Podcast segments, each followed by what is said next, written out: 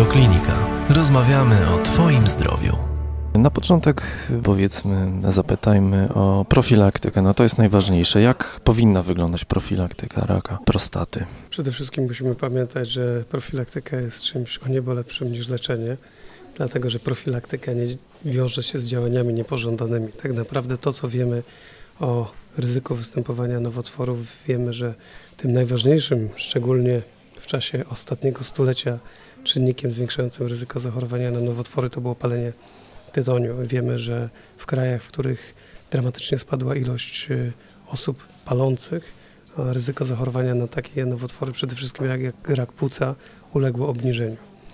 Także to jest jeden z tych pierwszych czynników, o których możemy, no jakby, które możemy wyeliminować, żeby zmniejszyć ryzyko zachorowania na szereg nowotworów, takich jak rak płuca, rak czustki, rak nerki czy rak pęcherza moczowego.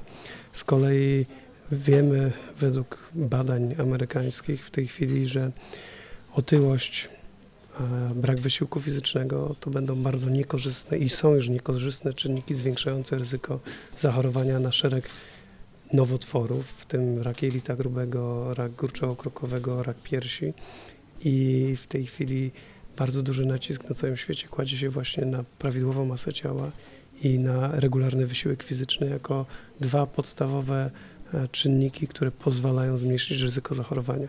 No musimy pamiętać, że działania niepożądane związane z taką profilaktyką, czyli z prawidłową dietą i prawidłowym wysiłkiem, regularnym wysiłkiem fizycznego, fizycznym są niczym porównaniu do działań niepożądanych jakichkolwiek strategii leczenia w onkologii, czy to zabiegów chirurgicznych, radioterapii czy chemioterapii.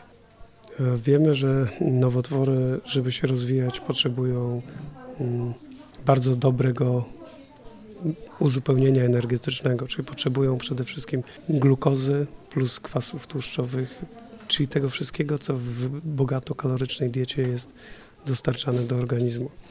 A wysiłek fizyczny między innymi powoduje powstanie w organizmie takich sygnałów na poziomie komórko, komórek i prawidłowych i nowotworowych, sygnałów, że komórka nie może się niepohamowanie rozwijać, nie może niepohamowanie zużywać energii, bo są w organizmie okresy spadku energii, właśnie takie, które pojawiają się przy wysiłku fizycznym.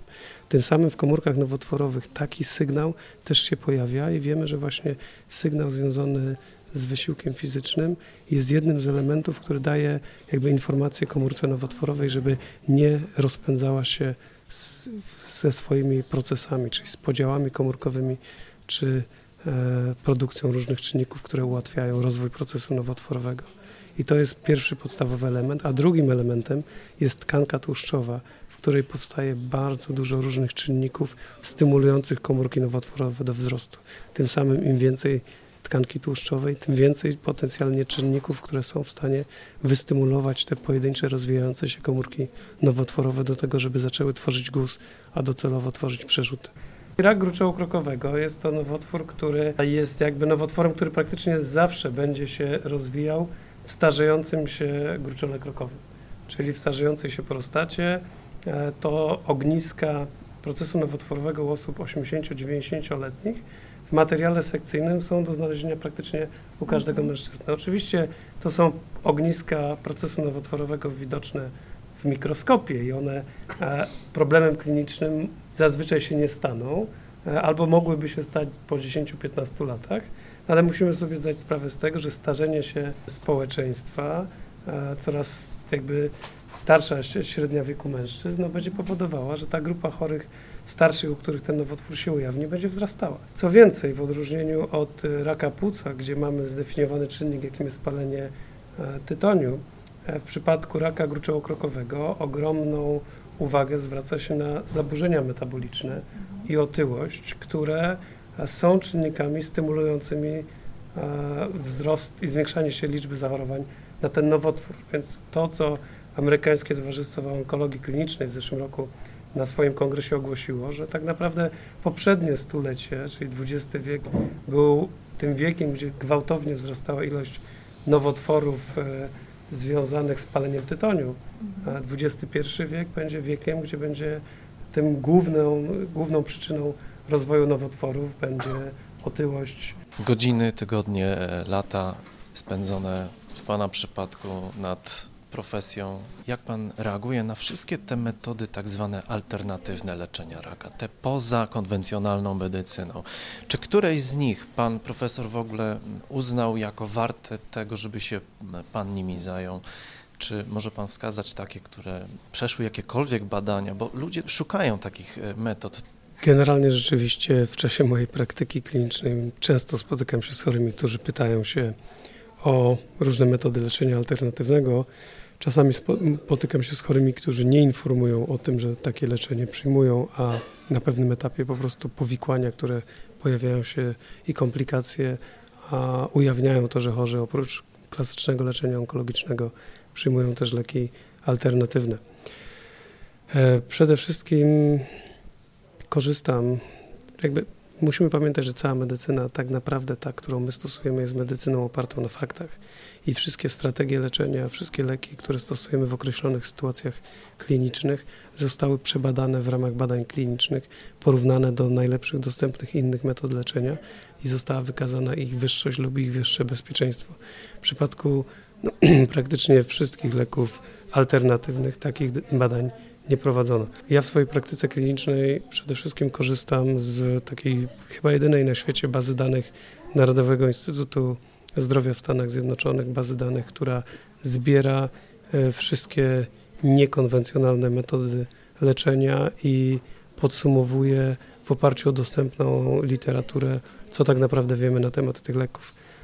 I tak naprawdę w żadnym przypadku tych leków, z którymi ja się spotykam, czy z tych substancji, z którymi się spotykam, z którymi do mnie przychodzą pacjenci, no nie znalazłem potwierdzenia w, tych, w tej bazie danych, żeby były jakiekolwiek e, badania, które potwierdziłyby skuteczność tych terapii.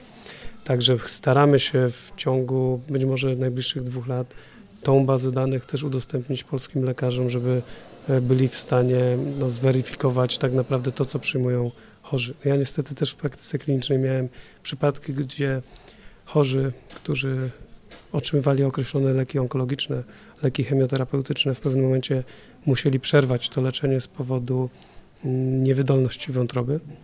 A okazało się, że ten lek, który przyjmowali razem z ziołami, które, do których się przyznali, no, powodował e, bardzo istotne toksyczne uszkodzenie wątroby i niestety musieli nawet przerwać terapię onkologiczną, bo wydolność wątroby była tak słaba, że nie można było kontynuować leczenia onkologicznego.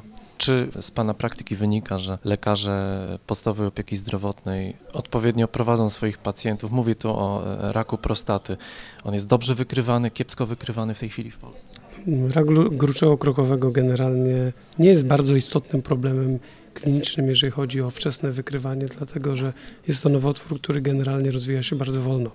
I zdecydowanie większość chorych, która trafia do urologów czy onkologów, są to chorzy, u których można przeprowadzić e, radykalne leczenie onkologiczne. Tutaj w odróżnieniu od innych nowotworów zdecydowanie e, rzadziej pojawiają się chorzy już z uogólnionym procesem nowotworowym, u których tylko leczenie paliatywne czyli chemioterapia ma mm, albo hormonoterapia ma istotne znaczenie. Także moim zdaniem nie można by powiedzieć, żeby lekarze rodzinni tutaj mieli jakieś zaległości, jeżeli chodzi o e, wczesne wykrywanie tego nowotworu. Wspominał Pan o tej aktywności fizycznej, otyłości, czyli tych czynnikach, które e, mogą zwiększyć ryzyko e, występowania tego raka. Natomiast czy prócz tego to, co spożywamy na co dzień, e, to czym się żywimy, to też ma wpływ? Czy były jakieś badania ku temu pokazujące, że tego raka jest więcej ze względu właśnie na to, w jakich warunkach żyjemy?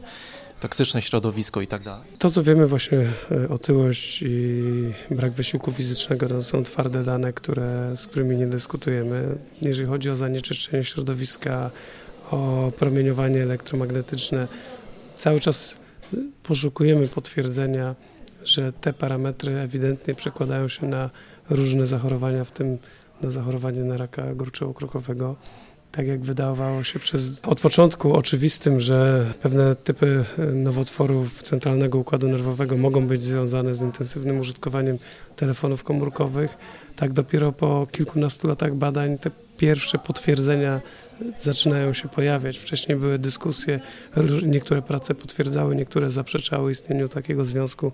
Także tak naprawdę bardzo trudno o takich słabo uchwytnych czynnikach mówić jako o ewidentnym czynniku zwiększającym ryzyko zachorowania m.in. na raka prostaty. Świadomość e, Polaków e, rośnie, bo mamy, jesteśmy bombardowani reklamami e, różnymi w telewizji, które no, oczywiście w jasny sposób komunikują nam, że no tutaj możesz sobie kupić taki suplement diety lub taki suplement diety wspomagający pracę prostaty. Czy to według Pana w efekcie przyniesie większą świadomość? Generalnie cała ta strefa suplementów to jest coś, co jest trudno weryfikowalne, dlatego że musimy pamiętać, że suplementy nie muszą przechodzić żadnych badań klinicznych przed dopuszczeniem do obrotu i tym samym e, trudno powiedzieć, na ile te suplementy cokolwiek tak naprawdę wnoszą, na ile one są rzeczywiście w długiej perspektywie czasowej bezpieczne. To jakby no jest sytuacja niepokojąca, ale tak naprawdę przy aktualnie obowiązujących uregulowaniach prawnych niewiele z tym możemy zrobić. Na koniec kilka zdań o tych pierwszych objawach niepokojących, co mężczyzna powinien w odpowiednim wieku, przy odpowiednim warunkach życia y, zrobić, żeby sprawdzić, czy też będąc zaniepokojonym, upewnić się, że jest z nim wszystko w porządku lub też ewentualnie udać się do lekarza no, wtedy, kiedy już rzeczywiście wie, że coś jest nie tak. Przede wszystkim rak gruczołu krokowego nie daje wczesnych objawów, dlatego że mm, w odróżnieniu od przerostu gruczołu krokowego, gdzie dochodzi do zwężenia światła cewki moczowej i zastoju moczu albo utrudnionej, utrudnionego oddawania moczu. W przypadku raka gruczołu krokowego ogniska nowotworowe lokalizują się na obwodzie, na zewnątrz gruczołu krokowego i tym samym nie dają wczesnych objawów. Także tutaj tak naprawdę cały czas trwa dyskusja, czy warto robić populacyjny screening PSA, czy oceniać u każdego mężczyzny co jakiś czas PSA. A, dyskusje wynikają z tego, że jakby samo badanie PSA niczego nie rozwiązuje. Jest dopiero początkiem długiej, no mało przyjemnej drogi diagnostycznej i dlatego biorąc pod uwagę naturalny przebieg e, raka gruczołu-krokowego, e, coraz częściej też w Stanach Zjednoczonych, gdzie zawsze promowano screening PSA, zaczyna się środowisko onkologiczne zastanawiać, czy nie warto po prostu identyfikować chorych z grupy wysokiego ryzyka, czyli otyłych chorych, e, chorych, u których w rodzinie, czy otyłych mężczyzn, mężczyzn, u których w rodzinie występowały e, raki prostaty i tych poddawać bardziej takiemu regularnemu badaniu, chociażby w stronę PSA. Natomiast nawet w Stanach Zjednoczonych w tej chwili nie zaleca się powszechnego wykonywania PSA. Ogranicza się tą grupę tylko między 55 a 70 rokiem życia, ale też to w w ciągu najbliższych kilku lat jeszcze zostanie zawężona. Więcej audycji na stronie radioklinika.pl